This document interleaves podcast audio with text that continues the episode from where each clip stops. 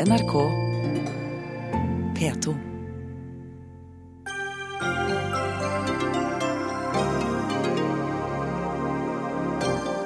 Regjeringen får ja til nedsalg av statlig eierskap i Telenor, men foreløpig nei til salg av Flytoget.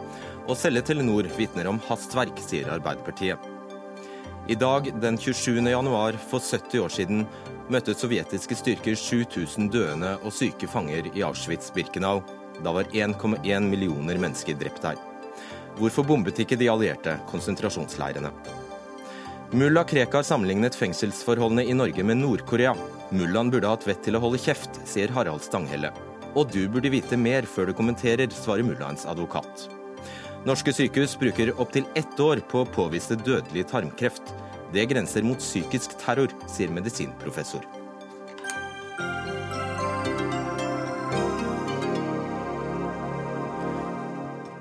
Før vi logger av i Dagsnytt 18, skal vi også spekulere i om hvorfor Facebook og Instagram forsvant i en time tidligere i dag.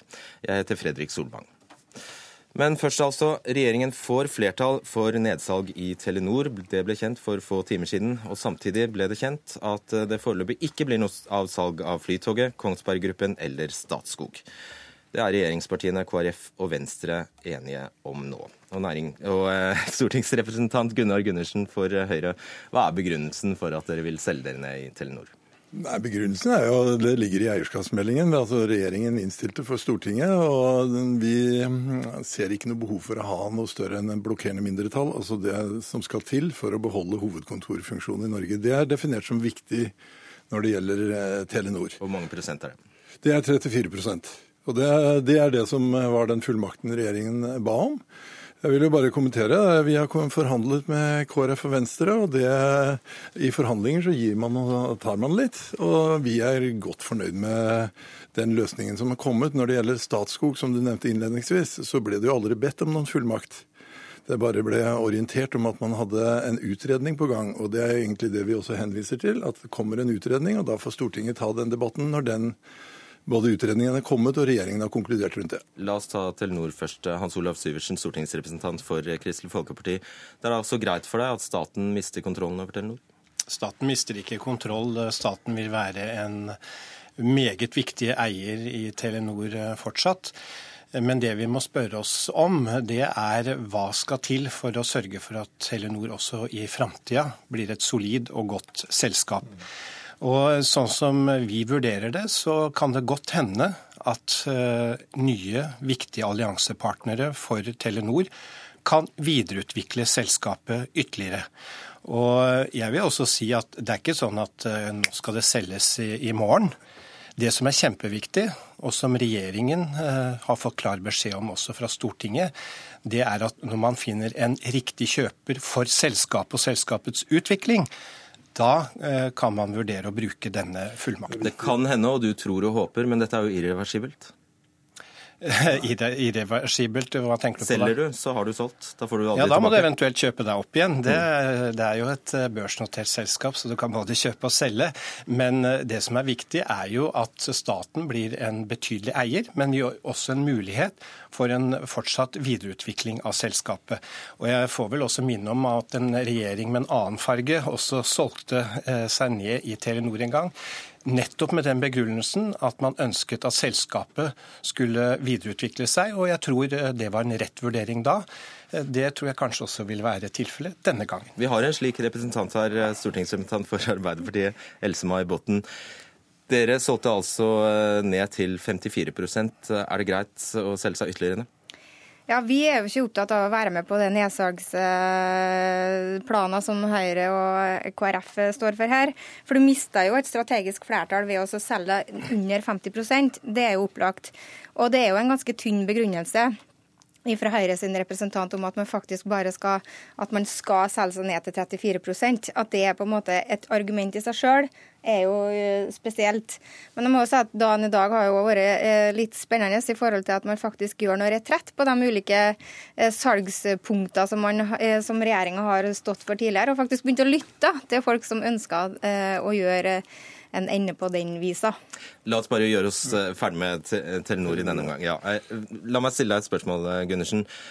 Altså, Telenor var i sin tid vår felles eiendom gjennom Televerket. Bygd opp av skattebetalernes penger. Så nå får vi dem tilbake, da, de pengene. Ja, det gjør det jo selvfølgelig, men altså, det er viktig som Syversen sier. altså det, Dette er en eierskapsmelding som gjelder for fire år. Det er ingen som har sagt at man har hastverk. Det vil være avhengig av at, man, at staten også får får uh, rimelig betalt for de verdiene som ligger der. Det, altså, Televerket er et veldig godt eksempel. For det, vi fikk fart på Telenor gjennom den delprivatiseringen som, eh, som, var, og vi oppnår ingenting mer med det flertallet vi har i dag, enn det vi gjør med 34% sånn som nå er definert som Du har vel litt mindre styring på hvor selskapet skal gå? Ja, selvfølgelig, for du har færre aksjer. Men, men det, det, i eierskapsmeldingen så har vi jo kategorisert selskapene. Og Telenor står i en gruppe hvor det er viktig å ha hovedkontorfunksjon i Norge. Det oppnår du gjennom 34% eierskap. Og et nedsalg vil jo da være en omdisponering av statens kapital.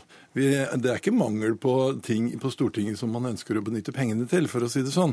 Så, så det er viktig å ha med seg at vi har ikke noe hastverk. Men det er en, en, en viktig justering av eierskapet i Telenor i forhold til det som er målsettingen med selskapet. Men vil det ikke da være et poeng å faktisk tilegne seg den kompetansen som skal til, for å finne ut hvilken type infrastruktur skal vi ha framover? Hvilken samfunnsutvikling skal faktisk Telenor være et verktøy for å være med å bidra til framover? Det, det, tenker jeg er viktig. Så du syns det går for raskt fram? Ja, og du mister den bufferen. altså Når du går ned til 34% så vil det uansett bli vanskeligere å ha styringa. Og du, altså, du mister mer styring. Eh, og det er vanskeligere å kjøpe seg opp fordi at du tyner deg lenger ned. Siversen først og Gundersen. Ja, Vi vil jo alle ringe, og vi vil alle ha tilgang til nett. Og for myndighetene er jo denne infrastrukturen viktig. Det ligger fast. Men det er veldig eh, viktig for meg å si at det regulerer vi gjennom andre lover. Så det vil ikke bli berørt av et eventuelt eh, nedsalg. Og så, kjempeviktig det du spør om. Eh, hva, hva bruker vi disse pengene til? Og både KrF og Venstre har i disse merknadene, som det heter på fint, sagt at kanskje vi skal bruke noe av disse pengene til å sørge for ny virksomhet. Vi har mangel på kapital til de som ønsker å satse på gründervirksomhet. Vi ser en eh, oljesektor som er på tur ned. Da må vi også tenke nytt. Kanskje kan vi bruke noen av disse pengene til å skape dette. Så du har forpliktet deg til å øremerke pengene? Nei, vi er ikke forplikta som noe, men vi er helt enige med KrF og Venstre om at eh, man må bedre forholdene for entreprenører, gründere, nyskaping. Det er de nye ideene og nye bedriftene vi skal leve av i framtida. De trenger bedre vilkår. Det, det, har vi satt veldig fokus på. Men det, det som eh, representant Botten nå sier her, det illustrerer jo statens mange roller. Og det er helt riktig som Syversen sier. Man regulerer jo hele sektoren. Man tar vare på den sentrale infrastrukturen gjennom vanlig lovverk, reguleringer. Og der har staten en kjempeviktig oppgave i å overvåke det som skjer. Okay. Men jeg må bare si i forhold til pengene, da. Når du, når du selger det selskapet ned, så når du tar ut aksjer, så setter du ikke det rett inn på statsbudsjettet neste år for at du har lyst til å drive næringsvirksomhet, eller at du skal lage en slags politikk i forhold til det. Det som skjer da, det er at satt, de pengene blir satt på bok.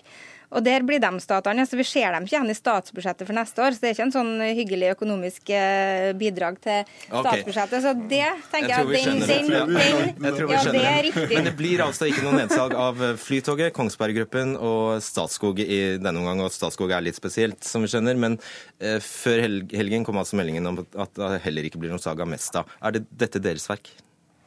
Vi har jo hatt uh, samtaler med regjeringspartiene, og jeg tror både Høyre og Fremskrittspartiet har uh, tatt uh, inn over seg at vi har behov for en del overordnede planer til Stortinget før vi eventuelt ser på noe salg på jernbanesektoren, så venter vi på en helt overgripende jernbaneplan. Vi skal jo bli et klimavennlig samfunn. Det skal satses tungt på jernbane framover. Vi må vite da infrastrukturen og hvordan vi bruker pengene rett for å få flest mulig til å reise med toget. Og da vil vi ha den type planer på bordet før man eventuelt går til et eh, delsalg. Også når det gjelder eh, Kongsberg Gruppen, så er det jo et meget spesielt selskap med sensitiv ting de driver med. og Da er det vanlig også å sette noen eh, strukturer og rammer for f.eks. hvem som kan sitte i styret osv. Så, videre, så det vil vi også få greie på før man eventuelt ser på noen. Det er forskjellige begrunnelser her. Men Neste er jo et godt eksempel. Altså, det viser jo bare, det var regjeringen som tok en vurdering på at budene var ikke gode nok i forhold til hva man har som forventninger til det selskapet, og hva man mener ligger der av verdier. Det viser at regjeringen har ikke hastverk. Den selger utelukkende hvis man mener at forutsetningene er riktige. og Det er det vi poengterer. Dette her må man ta en vurdering på fra selskap til selskap. Mesta er en fullmakt som ligger der og den eh, fortsetter å ligge der. Men dere har altså ikke fått viljen deres når det gjelder Flytoget f.eks.? Nei, det har vi ikke. Og for, som jeg sa innledningsvis, forhandlinger dreier seg om å gi og ta litt. og Man kan ikke gå inn i forhandlinger og tro at man får 100 da... Men folket har fått viljen sin, tenker jeg da i hvert fall. Det er jo bra, Gunnar. Fordi dere har opphøyet eh, Flytoget til altså, arvesølv i det siste? Det syns jeg er veldig men, bra. Nei, men Det engasjementet det kommer jo ifra grasrota. Det er jo på en måte en veldig tydelig beskjed til regjeringa om at vi ønsker ikke den politikken. Og jeg syns at KrF skal ha all ros at de faktisk har vært med og bremsa det utsalget som regjeringa har prøvd på. Altså. Mer, mer ros. Ja. Næringsministeren har vært veldig klar på at det var ikke aktuelt uansett å selge Flytoget før jernbanereformen var, for det er det som skal legge rammene. Og det er det vi tar inn over oss, at da tar vi en debatt om dette her når den tid kommer, når jernbanereformen er på plass. Da tar vi en skikkelig debatt rundt Flytoget. Og så må vi kanskje ta med oss også at eh, statlig eierskap er ikke bare enkelt, det heller. Når vi nå snakker om Telenor, så har vi en pågående stor og meget vanskelig korrupsjonssak knyttet til Telenor. Eh, så dette viser at om du er eier eller ikke, så må vi også sørge for at vi har rammer på plass i lovverket. Så jeg håper også denne sterke interessen for, for Telenor også gir seg utslag i at man setter krav, også fra regjeringsside, til det samfunnsmandatet sånne viktige selskaper faktisk innehar. Det gjør det vel? Ja, samfunnsansvar er viktig. Det er viktig for alle selskaper. Og det kommer til å bli mer og mer viktig, så det er, det er bakt inn. Båten, til slutt, med hånda på hjertet. Mm. Ville ikke Arbeiderpartiet uansett har vært imot dette, siden det kommer fra den kanten? Nei, absolutt ikke. Og vi har en veldig pragmatisk tilnærming i forhold til statlig eierskap, og vi er opptatt av dynamikk. Det betyr at hvis du selger ned, så er det også mulig å seg opp, nei, kjøpe seg opp. Og på høringa så var jo både Kongsberg-gruppa og Telenor veldig opptatt av at hvis man skulle ha en fullmakt til å selge seg ned, så mente de at det var like naturlig å kunne kjøpe seg opp. Men å kjøpe seg opp er ikke tema i denne regjeringa. De har til og med takka nei til den ene fullmakta som lå der, i forhold til å kjøpe seg opp i Hydro. Så det er vi jo det er viktig å få snudd hvis vi får ta over rattet, og når vi får ta over rattet igjen. Det passer jo med løsninger i det pragmatiske sentrum. Tusen takk, Gunnar Gundersen, Else May Botten og Hans Olav Sivertsen. Og da skal vi ikke gi oss med temaet, for inn i studio kommer vår egen politisk kommentator Magnus Takvam. Ja, Først eh, om Telenor. Hva er grunnen til at eh, regjeringen ønsker et nedsalg der? Det har jo eh, Høyre og Frp gått inn for lenge, sånn prinsipielt. Og som vi hørte her, så får de også eh, tilslutning til det i Stortinget ved, ved Venstre og KrF. Eh, poenget er bare at de to sentrumspartiene ville ha en slags garanti at eh, en eh, privatisering ned mot 34% ikke berører vitale eh, infrastruktureiendommer som, som, Telenor har. Altså. Så det blir ikke sånn nå at man må ringe til Kina når telefonnettet er nede? Nei, men som det ble sagt her, så, så har de slått seg til ro med at det fins et lovverk tilgjengelig i dag som regulatoren, altså myndighetene, bruker også overfor private eh, telekomselskaper som NetCom osv. Med de kravene som, som fins i ulike lover for det, så er Venstre og KrF happy å gå med på å selge ned til 34% Og det er vanntette lovnader? Ja, Det er de lovnadene som, som finnes, og de har de slått seg til ro med. De etterlyste forsikringer og fikk det eh, på en god nok måte, slik de ser det. Hvordan har prosessen rundt eh, akkurat Telenor vært? Den tror jeg har vært eh, grei og, og enkel. Vi hører jo at det er for så vidt tre grupperinger her. altså Sentrum i midten, og vi har da en venstreside.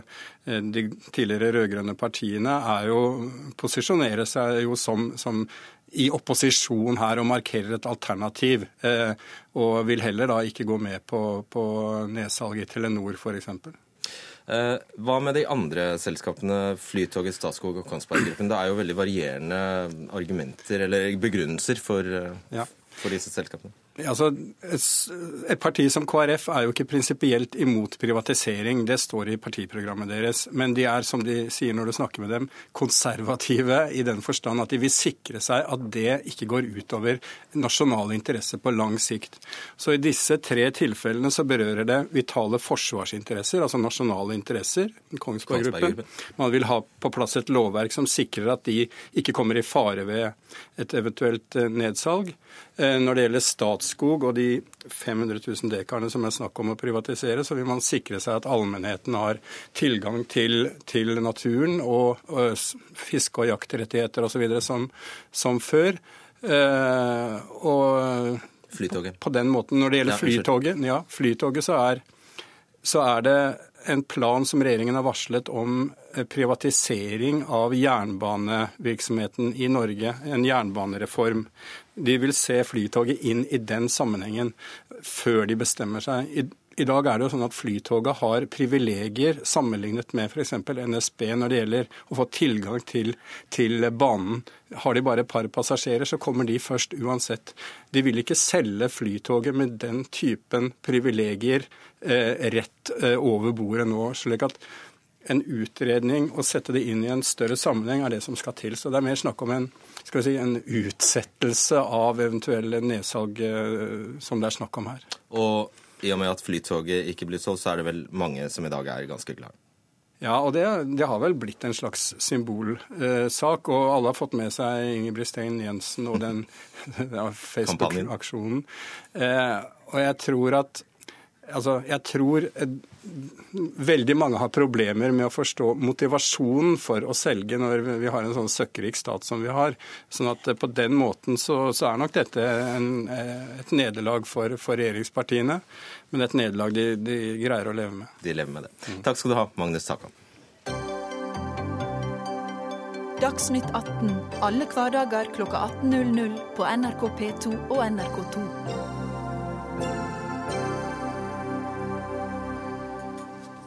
I dag er det 70 år siden de sovjetiske styrkene nådde portene til Auschwitz-Birkenau, og dermed satte en stopper for folkemordet på jødene.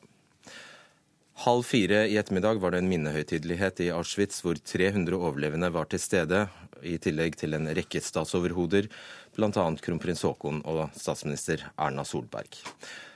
Vi skal snakke med deg, Guri Nordstrøm. Du er vår korrespondent, og du har vært på denne minnemarkeringen eh, nå i Polen i dag. Fortell eh, hva som har skjedd så langt.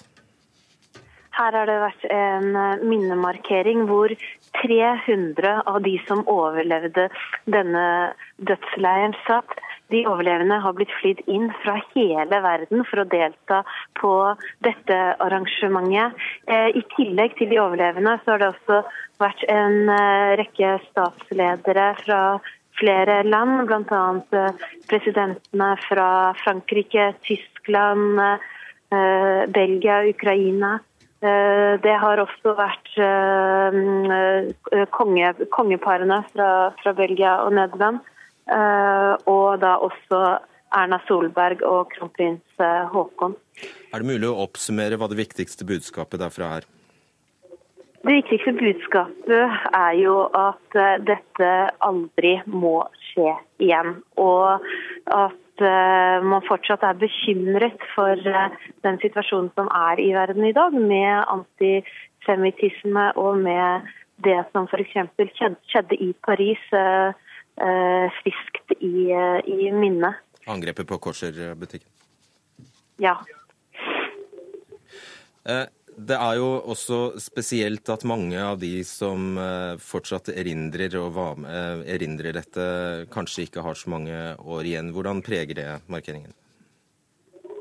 Eh, det preger det på den måten at dette her har jo fått enorm oppmerksomhet. Vi har vært rundt 1000 pressefolk fra hele verden som har vært akkreditert til dette arrangementet her. og Derfor er også sikkerhets oppbytte stort fordi det nettopp er så mange eh, statsoverhoder eh, eh, som er her. Og Det er jo nettopp fordi at det er ikke sikkert man kan ha den samme typen arrangement om f.eks. når 80-årsjubileet 80-årsmarkeringen skal feires om, om ti år. Mm. Så er det en som ikke er der, og det er altså Russlands president Vladimir Putin. Han deltok i stedet på en seremoni i Moskva i dag. Hvordan tolkes det? Ja, Det er jo et paradoks, for det var jo nettopp de sovjetiske eh, styrkene som frigjorde fangene her i Auschwitz. Eh, og, og, og, den historien rundt andre verdenskrig har jo en sterk stilling i den russiske identiteten. Uh, så det at Putin ikke deltar her, det må nok tolkes som, et, som en konsekvens av det iskalde forholdet som er mellom Vesten og Russland eh, for øyeblikket. Putin sa jo under dette arrangementet i Moskva at han nå er bekymret for en omskriving av historie. Og eh, med det så mener han, så viser han til den eh, polske utenriksministeren som i forrige uke sa at det var ukrainske soldater som frigjorde fangene her i Auschwitz. Eh, for så vidt så, så, hadde den polske utenriksministeren rett i det. De eh, soldatene som kom fra Den røde armé den gang de kom fra Ukraina, men som russiske myndigheter raskt var ute med å påpeke, den gang representerte de Sovjetunionen og ikke, ikke Ukraina spesielt. Takk skal du ha, Guri Nordstrøm fra Polen. Med oss i studio har vi deg, Susanne, Susanne Aabel. Du er journalist, blogger og jøde. Mm.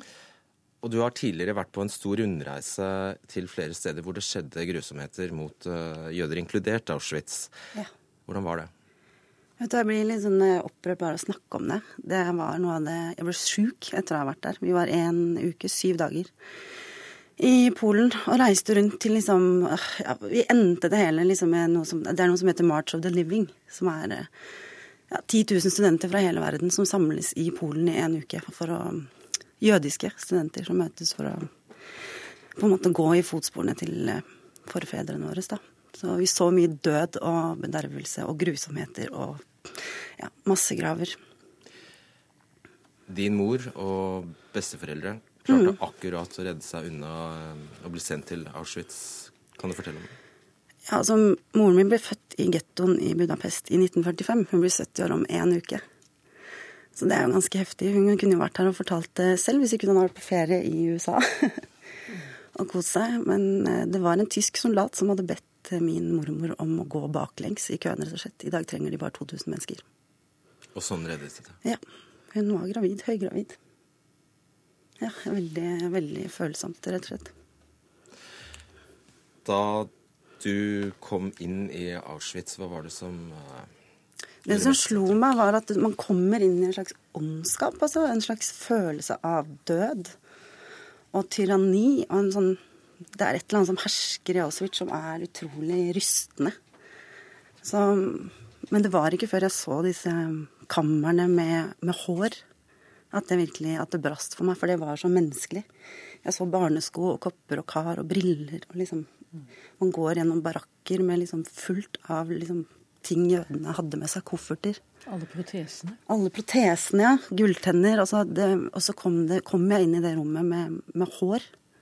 Tonnevis med hår. Åh, nei, da gråt jeg. Masse. Eh, vi har med oss deg, Guri Hjeltnes. Du er altså direktør ved Holocaust-senteret.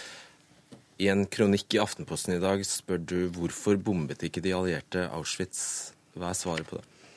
Det er det ikke noe svar, for det gjorde de ikke. Og, og, Men hvorfor gjorde de ikke det? Nei, det er, eh, det er jo et spørsmål som man selvfølgelig har stilt seg om og om igjen, når vi vet hva som fant sted eh, bak eh, porten som ble åpnet 27.1.1945 i konsentrasjons- og tilintetgjøringsleiren Auschwitz-Birkenau. Det er klart man har stilt seg spørsmålet kunne dette vært forhindret. At 1,1 millioner mennesker hadde blitt drept, og alle menneskene, alle de tusener som har blitt sendt videre, hundretusener som har vært der, flere millioner har jo vært innom. Kunne man ha stoppet disse ugjerningene, dette overgrepet, eh, dette industrielle maskineriet tidligere? Det er derfor dette er kommet opp. Og det er jo ikke noe svar, men det, en, det kom jo opp eh, høsten 1944, hvor rabbinere i USA og Canada anmodet de allierte om å bombe leirene. For da kom det nyheter om snakker om Ungarn. Eh, de store deportasjonene fra Ungarn sommeren eh, og våren eh, 1944, hvor over 400 000 ble arrestert, deportert og sendt. Altså Kunne man ha stoppet dette? Og Dessuten hadde man satellittbilder. De hadde man fra april 1944, og etterpå har diskutert kunne man lese på disse. og Folk har jo sagt, dette er det uenighet om, at hadde man spurt og bedt oss lete, kunne vi kanskje ha sett at her var det gasskamera alt. Men selvfølgelig så er det andre argumenter. Vil, man ville jo ha hvis vi bombet, så ville vi ha drept mange mennesker. Og Det kom jo også fra jødisk hold protester mot at man skulle bombe. Man skulle ikke risikere å ta én jødes liv. Så dette her, Det var jo sprikende synspunkter den gangen. Og så snakker man om likegyldighet. Brydde ikke de allierte seg? Man snakker om var det antisemittisme eh, på britisk side, var det antisemittisme og skepsis på amerikansk Dette er jo diskusjoner som pågår, og historikere og forfattere drøftet det i tiår etter tiår.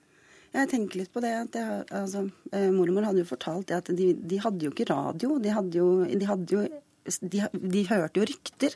Men dette her var jo til og med i 45. Mm. Og de så visste de ikke helt hva det var som foregikk. Mm. De visste bare at på de togene vil ikke vi.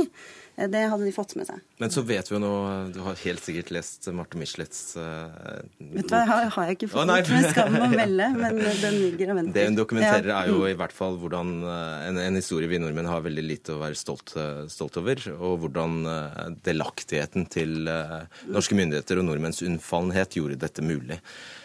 Hva tenker du om det i dag? Jeg tenker at I år så kommer denne markeringsdagen nesten på en god dag.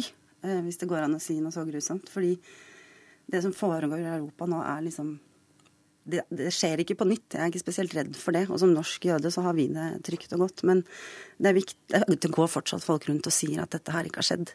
Og det er Det beviser jo denne dagen her, hvis man bare følger med litt. At det er, det er påstander jeg skulle ønske var forbudt å si. Mm. Guri Hjeltnes, antisemittismen forsvant jo ikke i, i 1945? Nei, altså antisemittisme har man jo hatt uh, På den ene side så har dette eksistert lenge før, før 1933. Eh, dette er jo en kulturarv, forestillinger med en lang historisk historiekontinuitet. Og det forsvant ikke ved annen verdenskrig slutt.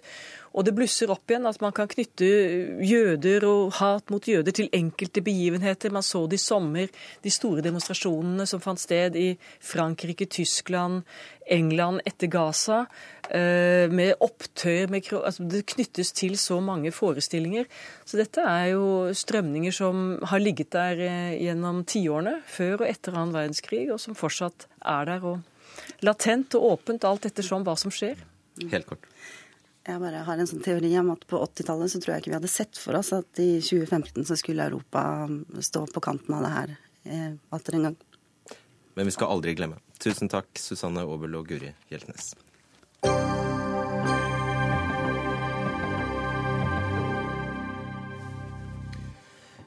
Mulla Krekar møtte i retten i dag, ifølge ham selv for 50. gang.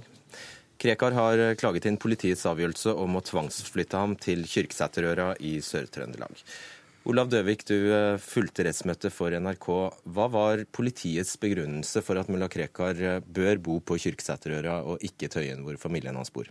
Ja, Det fikk vi jo høre litt mer om eh, i dag. og Det som er hovedbegrunnelsen, er at politiet fortsatt mener at mulla Krekar utgjør en fare. Og de ønsker å gjøre det vanskeligere for personer som han kan påvirke, å møte han fysisk. Og Derfor så vil de da flytte han så langt unna at det skal bli vanskeligere. Ja, for det er bare fysisk vi snakker om. Ja, Han kan fortsatt fortsette på internett, sånn som han har gjort uh, før han ble fengslet. Og, og, det var jo trusler som han hadde gitt ut på internett han ble dømt for. Mm. Eh, hva vil du si om kriteriene politiet opererte ut ifra da de skulle plukke ut Krekars nye bosted?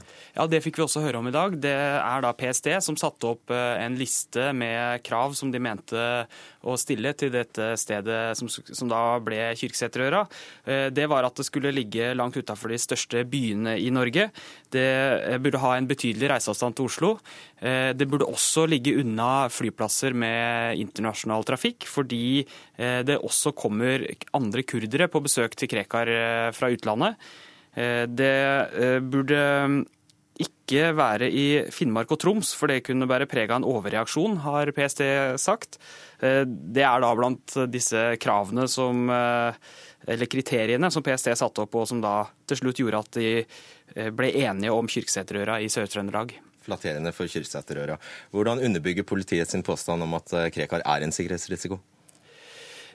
PST har kommet med en ny fersk trusselvurdering som kom på fredag. og Der mener de at han fortsatt av det ekstreme islamistmiljøet på Østlandet blir sett på som en eh, sterk ideolog. Eh, og De er redd for at han da skal påvirke personer i feil retning på den måten. De mener også at det at han har sittet i fengsel kan gjøre at han kan få en slags martyrstilling. Og Der la de fram et nytt PST-notat, var det sånn? Ja, og der står det at eh, da PST fortsatt mener at han utgjør en fare for nasjonale interesser. Kjennelsen faller altså på fredag først, men det stopper kanskje ikke der? Nei, vi kommer nok uh, til å uh, høre mer om denne saken. Uh, advokat Meling, som straks skal inn i studio her, har allerede sagt at de kommer til å anke hvis dette går imot dem. Og det er første gangen at man forsøker seg på å plassere en person et sted i landet med, denne begrunnelsen i Norge. Så det kommer nok til å være interessant å høre hva andre rettsinstanser mener om det også. Takk skal du ha, Olav Daug.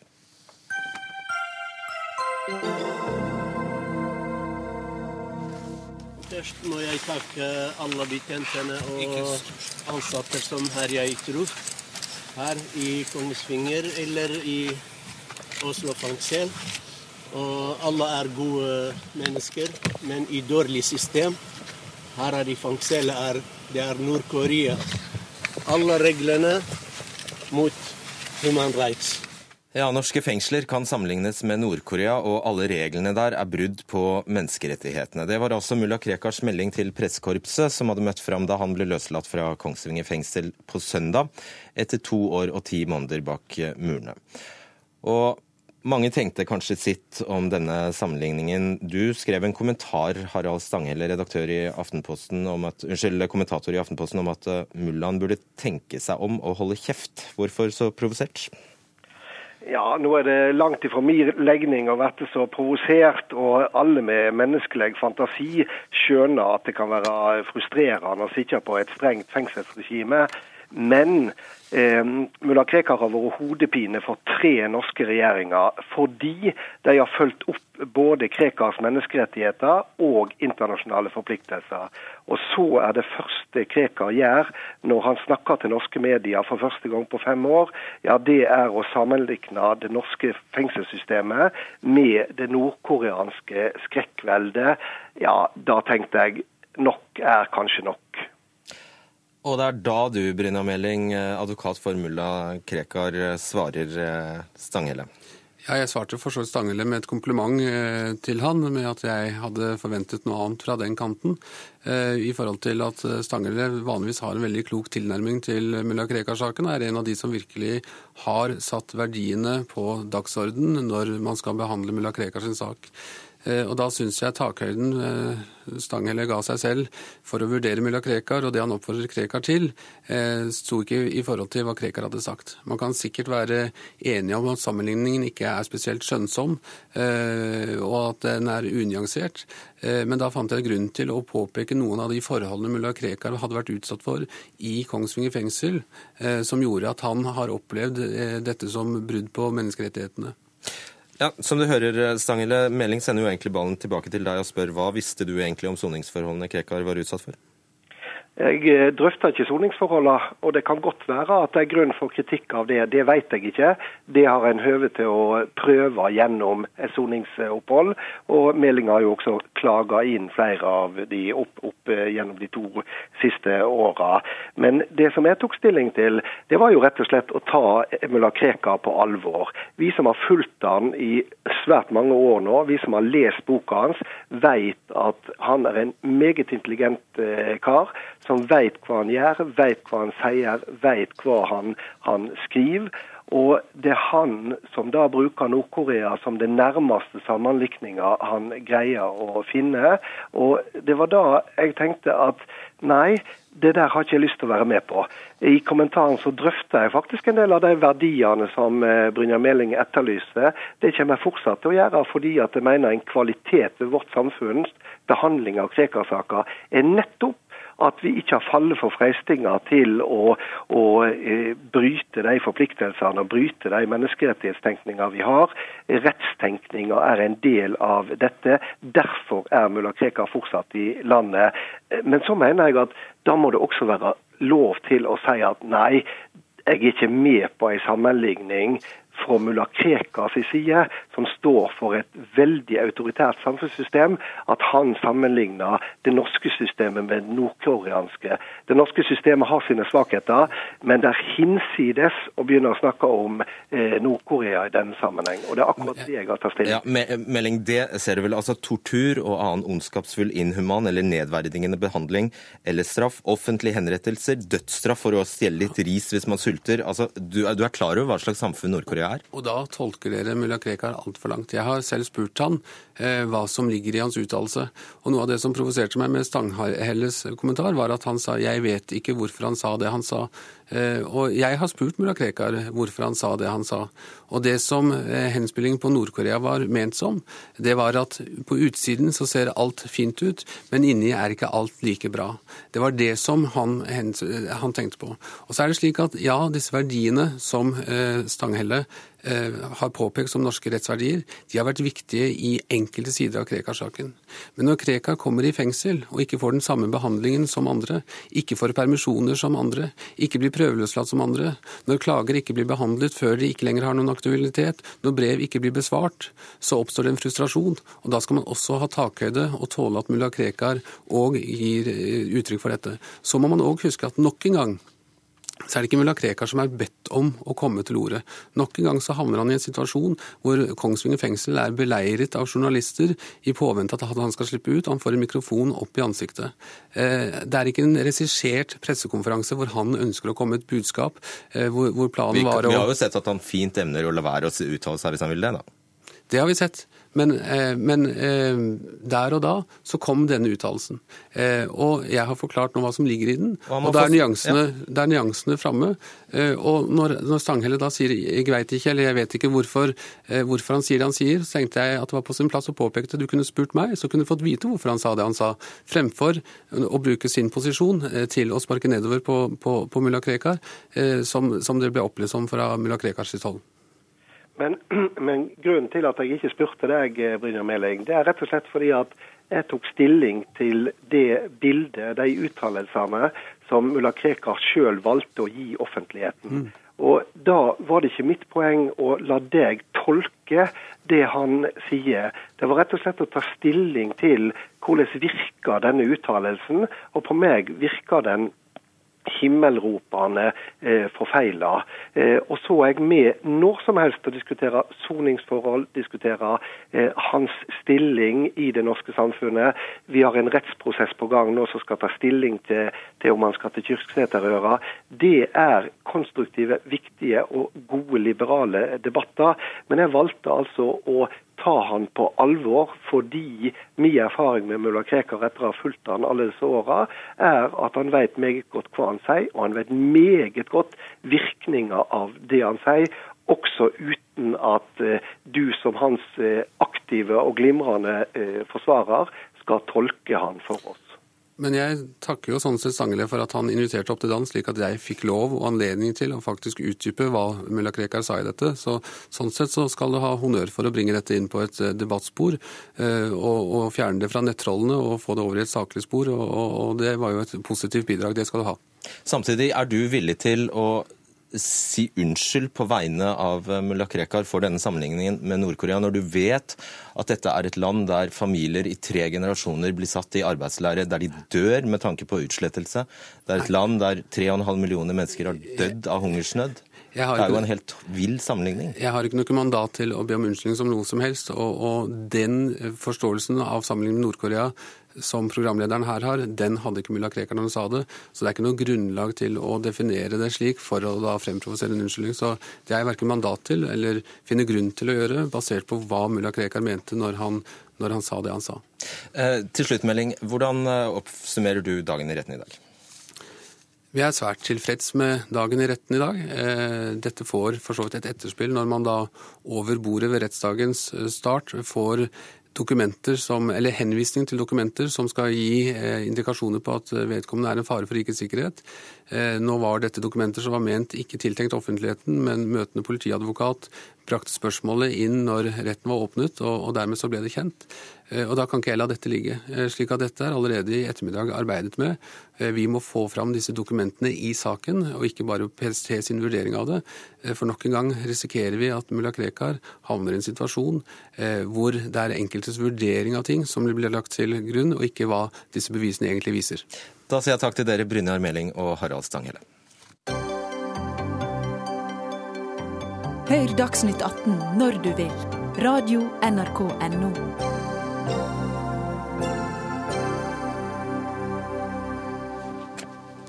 Stadig flere betaler undersøkelser for tarmkreft med egne penger, fordi ventetiden ved mange sykehus er ett år eller mer, eller et halvt år eller mer skal det være.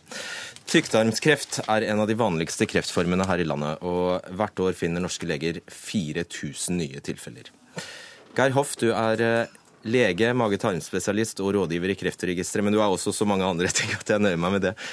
Hvilke konsekvenser har eh, ventetiden på eh, å få diagnose som altså rammes, altså for personer som rammes av denne type kreft? Altså, Tarmkreft er jo som andre kreftformer noe som sprer seg og utvikler seg over tid. Og jeg vil jo tro at ett års uh, sommel ville ha konsekvenser med hensyn til å gi kreftsvulsten anledning til å, spre seg mer. Skal også sies at tarmkreft utvikler seg veldig langsomt. Så liksom noen ukers ventetid det, det, tror ikke jeg betyr noen ting, men det er det psykiske her sånn.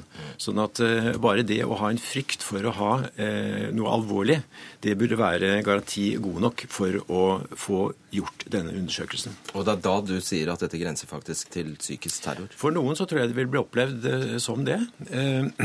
og det er også det at uh, symptomene ved tarmkreft er veldig uspesifikke. Altså De kan ligne til forveksling på helt banale ting, som liksom blod i avføringen. Ok, det er vel hemoroidene. Altså Pasienten selv kan jo også bortforklare dette på veldig mange måter. Og ofte så er det riktig at det er bare hemoroidene. Som oftest er det det. Eller at det er endrede avføringsvaner. Da kan det være irritabel tarm som spiller opp, eller endrede livsvaner, uh, kosthold osv. Sånn at eh, det er mye bagatellmessig her sånn, som overlapper veldig mye med akkurat disse symptomene. Så, men når vi da skal definere eh, noen symptomer som veldig alarmerende, så er det også delvis en utfordring. Og du er sinna, rett og slett, for, eh, fordi tilstanden er den den er? Ja, altså jeg, jeg, blir litt engasjert da. fordi at Jeg har holdt på med dette gamet her i uh, over ti år. Uh, og I 2002 så var det en Senter for medisinsk metodevurdering, uh, seminar, som konkluderte med at ja, ventetidene er antagelig for lange. uakseptabelt lange. dette må utredes og eventuelt gjøres noe med. Og Da jeg et år etterpå oppdaget at ingenting hadde vært gjort med hensyn til utredning, så tente jeg litt på det. Og så har det gått noen år, og så kom det et eh, brev fra eh, Helsedirektoratet til departementet eh, i sommeren 2012, tror jeg det var. Hvor det sto at 80% av koloskopihenvisningen må, må, vurderes å være innenfor ventelistegarantiordningen. Altså i praksis alle som da skal til en koloskopi. Sånn at, eh, så, så kommer pakkeforløpet, og det syns jeg er veldig, veldig god start. og Det regner med at du kommer til å snakke, snakke om. Ikke sant, ja, Jeg vil gjerne kommentere det også. Bent Høie, du er altså helse- og omsorgsminister for eh, Høyre. Ja, Det er helt greit å vente i et år?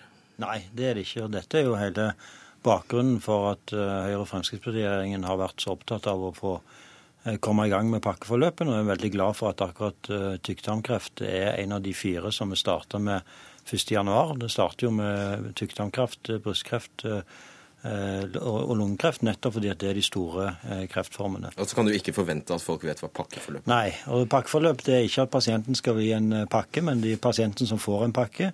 Og Det består av at vi har definert noen tider og ulike typer undersøkelser og behandlinger som pasienten skal, skal gjennom. Og de, vente, de, tidene som er der, de skal være medisinsk begrunnet. Så for å ta dette eksempelet, da, så fra en fastlege eh, mener at her er det alarmerende signaler på at det er tykktarmkreft, så skal det da gå 21 dager før undersøkelsene er, er gjennomført. Og Så er det den videre behandlingen òg har sine definerte tider og innhold. Og så skal det være en koordinator som følger opp pasienten gjennom dette, sånn at pasienten får god informasjon underveis. Og dette er noe som vi har stjålet rått fra Danmark.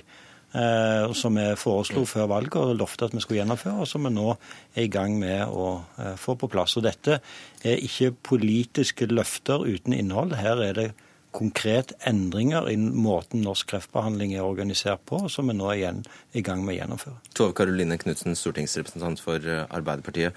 Pakkeforløp, simsalabim? Nei, det tror jeg ikke. Men akkurat når det gjelder pakkeforløpet, så er Arbeiderpartiet helt enig i at det er bra. Det er en standardisert måte å tenke pasientbehandling på, fra henvisning fra fastlege eller annen henvisende myndighet, og gjennom hele pasientforløpet. Fortell hva som ikke er bra, da. Ja, Det kan jeg komme tilbake til. Jeg vil bare si at Pakkeforløpet eller et standardisert forløp var, lå også inne som, i den kreftstrategien som Jon Gahr Støre la fram i 2013, så der er vi enig. Det jeg tenker... Ikke det, sier Høie. Ok, ja, vi kan ta okay. den. Det syns han ikke. Men det som også Bent Høie må gjøre, som han ikke har gjort i dette årets budsjett, det er jo å legge på bordet de pengene som han lovte før valget. For da var han helt enig med oss i at sykehusene trenger et løft på ca. 12 milliarder kroner i denne perioden. Og det er de ikke i nærheten av å levere. Vi har lagt i vårt alternative budsjett 1 milliard mer på bordet til sykehusene. Det trenger sykehusene både for å, å sette ut i livet dette pakkeforløpet, og for alt det andre av investeringer som skal gjøres i sykehusene våre. Så der syns jeg ikke han er god nok. Pakkeforløpet, det er vi helt enig i. Før du svarer på det, Høie, så la oss høre med Hoff. Er det penger som skal til? Er det bare penger som skal til? Um, vi har mangel på koloskopører. altså Koloskopør det er da i Norge, norsk setting så er det en lege som utfører sånne tarmkikkertundersøkelser. Eh, vi har mangel på skopører. Eh, dette er en avansert eh, undersøkelse som trenger minst et halvt års opplæring hvis en har rimelig godt talent for dette. Og da må man stå og, trene ganske under supervisjon på simulator og, og, under supervisjon med pasienter i minst et halvt år hver dag. Og, og dette her er jo en investering som da er i første halvår i hvert fall et tapsobjekt. Og så, og så må vi da bygge opp dette korpset. Så det tar tid å gjøre det. Og så må vi ha en kvalitetssikring. For det er klart at hvis man nå hauser opp dette her til en sånn svære greie, så uten kvalitetssikring på det økte eh, tilbudet som er nødt til å komme, så kan vi være ute og kjøre også. For det er masse avanserte polyper som skal fjernes, man kan få komplikasjoner og greier. Så her må vi tenke ordentlig. Eh, så jeg er også litt engstelig for at pakkeforløpet kan bli en sovepute. for sånn som jeg nevnte, så er det liksom 80% i hvert fall direktoratets side så ble det for et par år siden vurdert at 80 eh, i hvert fall av koloskopihenvisningene burde falle inn under garantiordningen som vi hadde den gangen.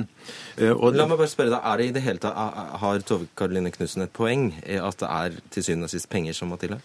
Ja, rett og slett. Bent Høie, da har du jo bare ett å gjøre. Ja, og det har vi òg gjort. Eh, vi har bevilga en vekst til sykehusene i år på, på 2 milliarder eh, kroner. Eh, sånn at vi har en høy vekst i sykehusenes økonomi i år. Og vi har òg gitt veldig klar beskjed til helseregionen at det å få gjennomført innføring av pakkeforløp er en prioritert oppgave. Så det må de da klare innenfor det budsjettet som de nå har fått på over 130 milliarder kroner.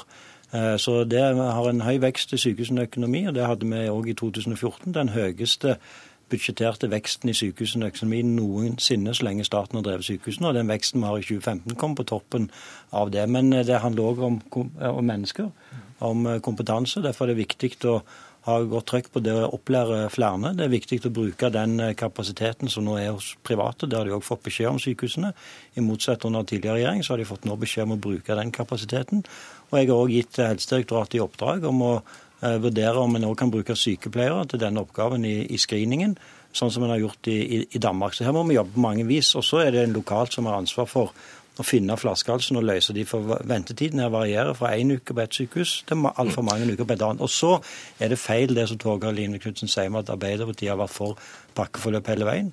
Eh, I valgkampen eh, okay. så sa Jens Stoltenberg vi har ingenting å lære av Danmark. Nå gjør vi det som ja. de har gjort i Danmark, og der hadde de gode resultater. Det, det, er, det er, greit. Eh, Knutsen, utgangspunktet her var jo at vi hørte at pasienter nå søker seg til det private.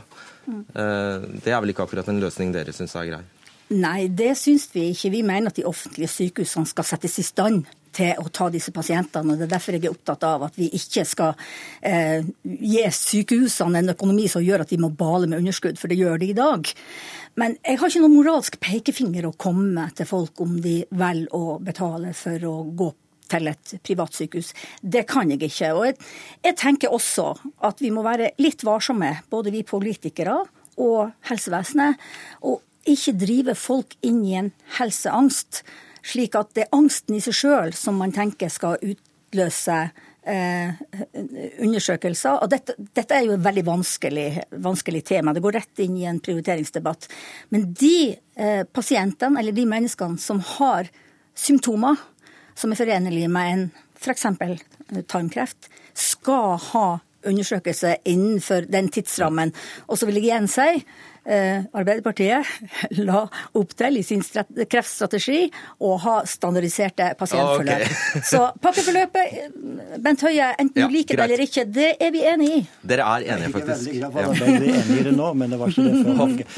Men, ja, nei, men jeg, jeg, må spørre deg, altså, Det er vel en kjensgjerning at skal du prioritere opp tarmkreft, så må du nedprioritere noe annet. Ikke sant. Og kan, kan ta, ta, det veldig enkelt at uh, koloskopørene som da ja, For det første, jeg tror ikke noen Vi har noen koloskopører som går rundt og tvinner tomler og ikke har noe uh, å gjøre, og bare venter på å få et tilbud fra uh, private institutter og, og komme på lønningslista der. Altså, det, det, det, tror jeg blir en drenering fra det offentlige over til det, det private. Sånn at du har da hele opplæringsoppgaven som blir pålagt det offentlige, altså dette halvåret som jeg snakket med, og så, og så er de ferdig utdannet, og så kommer de over i det private og får sikkert bedre, bedre lønn der, ehm, vil jeg tro. Så at, eh, jeg syns ikke det er noe å strebe etter. Samtidig som kvalitetssikringen blir mye dårligere i det private. fordi at eh, det er mye lettere å, å få de offentlige eh, sykehusene til å være med på det nasjonale kvalitetssikringsnettverket Gastronett f.eks. Sånn at vi sikrer kvalitet på det. Det er, det er varierende kvalitet på, på, på skopier som, som, utføres. Jeg lurer på hvor har um, Høie tenkt å ta disse skopørene fra, som skal inn i det private. Og det kan vi gjerne ha svar på det spørsmålet. Ja. Du får det sikkert utenfor studio, men jeg må si takk til dere. Bent Høie, Tove Karoline Knutsen og Geir Hoff.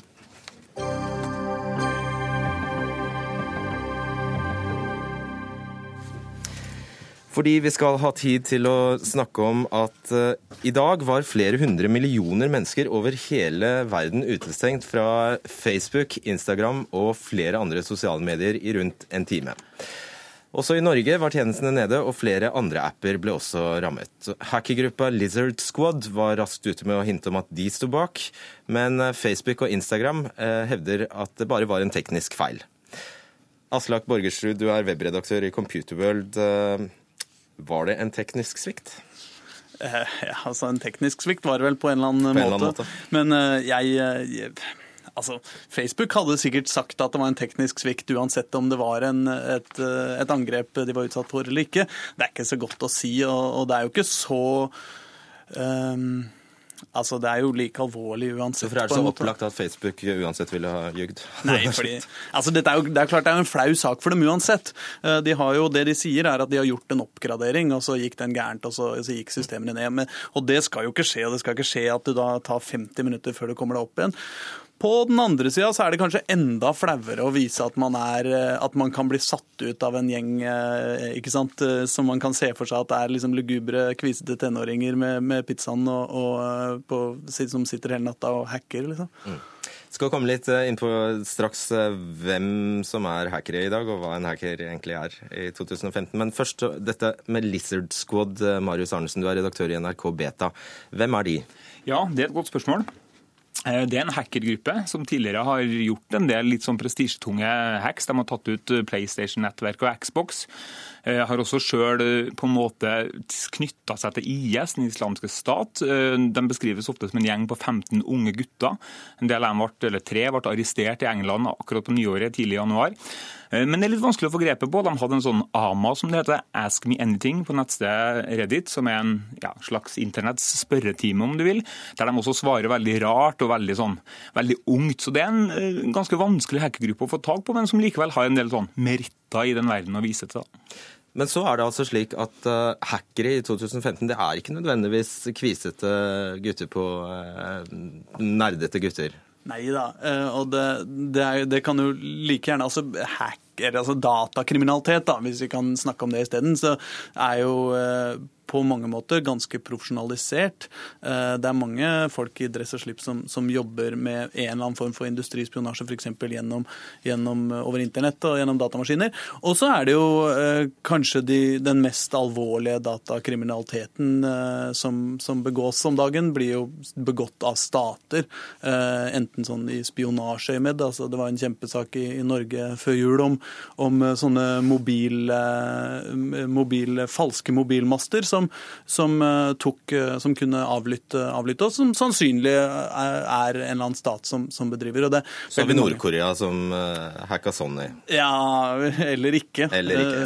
Jeg, jeg, jeg tror kanskje ikke Nord-Korea er den aller den er den staten vi skal være aller mest bekymra for på hackerfronten. Sånn tror jeg, da. Men, men, men, det er mange, og for ikke å snakke om NSA, altså USA sin, sin hackeravdeling, er ganske, ganske stor og kraftig også. Man skulle jo tro at eh, gigantiske selskaper som eh, Facebook eh, og Instagram har de beste sikkerhetssystemene som fins. Hvordan kan sånt noe skje da? Nei, Det har de jo også. Og det er jo det ekspertene i dag har diskutert på internett, på diverse forum, både for hackere og for sikkerhetsfolk. Så er det jo akkurat det at både Google og Facebook, som kanskje er det det dypeste hakket du kan få i geværkolben din hvis du klarer å ta dem ned, de er ganske godt rusta for akkurat denne type angrep, sånne DOS-angrep som det heter på, på, det språket. sånn at Det er derfor de også tviler litt på at det har vært et hackerangrep. Men internettet er delt. Det er i hvert fall sikker på at det er egentlig ganske godt rusta. De har de beste systemene i verden for det her, fordi de vet at de er en så attraktiv et så attraktivt mål. Da. Det å hacke har visstnok Det er ikke, vel ikke helt sånn at du kan kjøpe deg et hackerprogram som hyllevare, men nesten? ja, eh, jo da, det, det, er det. Men altså, eh, det det er mange man trenger ikke avansert datakompetanse for å drive datakriminalitet. Eh, I dag enten så kan du gjøre som du sier, altså du kan kjøpe hyllevare, eh, mer eller mindre hyllevare, som, som du kan bruke til å utnytte sikkerhetshull. Ellers er jo veldig mye av dagens datakriminalitet er rene sånn overbelastningsangrep, du, eller DOS-angrep, hvor, hvor, du på en eller annen måte sender en masse forespørsler til en datamaskin som i seg sjøl er greit greie forespørsler, men det er bare at det blir så mange av dem at, at datamaskinene knekker. Eh, men Hva kan være hensikten med det? Nei, bare å, å ødelegge, stoppe eh, og, og, ta ned websider for f.eks. eller tjenester. Og det jo, blir jo ofte brukt i sånn politisk øyemed og, og, for å, og, for å, protestere mot det ene eller det andre. Mm. Hva er den farligste formen for hacking? Den farligste formen for hacking er vel den der vi ser på, altså på, på statsnivå. der de store, altså, Det er rett og slett blitt krigføring. da. Det blir litt sånn rart å sitte og snakke om hacking, men altså digital krigføring, der man rett og slett er i stand til å enten stjele informasjon eller ta ned atomanlegg, som vi så et eksempel på i Iran, der man har laga et, et, virus for å hacke en annen stat. Uh, det kommer fra NSA, det er vel mer eller mindre eh, bekrefta. Det er jo den skumleste. Da snakker vi jo på et eh, svært høyt og svært skummelt eh, geopolitisk nivå. Da løftes det litt opp. Det er jo lett å trekke på skuldrene av at Facebook og Instagram er nede en time, men hva skjer hvis all den informasjonen som er på disse, på disse stedene, havner i feil hender? Eh, nei, det, det vil jo selvfølgelig være veldig, veldig alvorlig. Det jo Ikke noe ålreit. Men, men altså, jeg, jeg, også, jeg, trekker litt på skuldra av 50 minutter uten Facebook. Altså, jeg syns ikke det er verdens mest alvorlige ting. Men det er klart at uh, Facebook er jo en gigantisk business, og det er jo eh, milliarder av uh, folk som, som, bruker tjenesten. Så det er jo klart at uh, det, er jo, det er jo veldig, veldig mye penger som går tapt i løpet av 50 minutter uten, uten Facebook. Men det er klart at For Facebook. Facebook for Facebook, ja. Men det er klart at Facebook sitter jo også på helt ekstremt mye og veldig veldig detaljert informasjon om hver, hver enkelt av oss, som utdosert i, i feil hender kan være veldig, veldig alvorlig. Og vi er sikre på at det ikke skjedde nå, eller? Ja, eller det, det, er det virkelig ingen grunn til å tro at, uh, tro at skal skje. Og jeg tror nok også at uh, altså, hvis det er noen som, uh, som er beskyttet, godt beskytta mot den type ting, så er det nok Facebook og, og Google og de, og de største i, i, den bransjen her. Kort til slutt, Arnesen. Er det noe vi vanlige brukere kan gjøre for å beskytte oss? Nei, i dette tilfellet er det lite. Eh, her har de gått rett på Facebook og serverne, på infrastrukturen til Facebook. Eh, hvis det er noe folk flest kan gjøre, så er det å ha gode passord og ha sånn tofase-autentisering. Det er vel mitt eh, beste og nesten eneste tips til folk som ikke har det. Rett og slett at du har en sånn kodekalkulator på telefonen din for å sikre det du kan sikre. Det er ett stalltips fra meg. Da viderebringer vi det, og så ser vi at dagens Dagsnytt 18 er over. Ansvarlig for sendingen var Berit Ytrehus, teknisk ansvarlig Marianne Myrhol, og i studio Fredrik Solvang.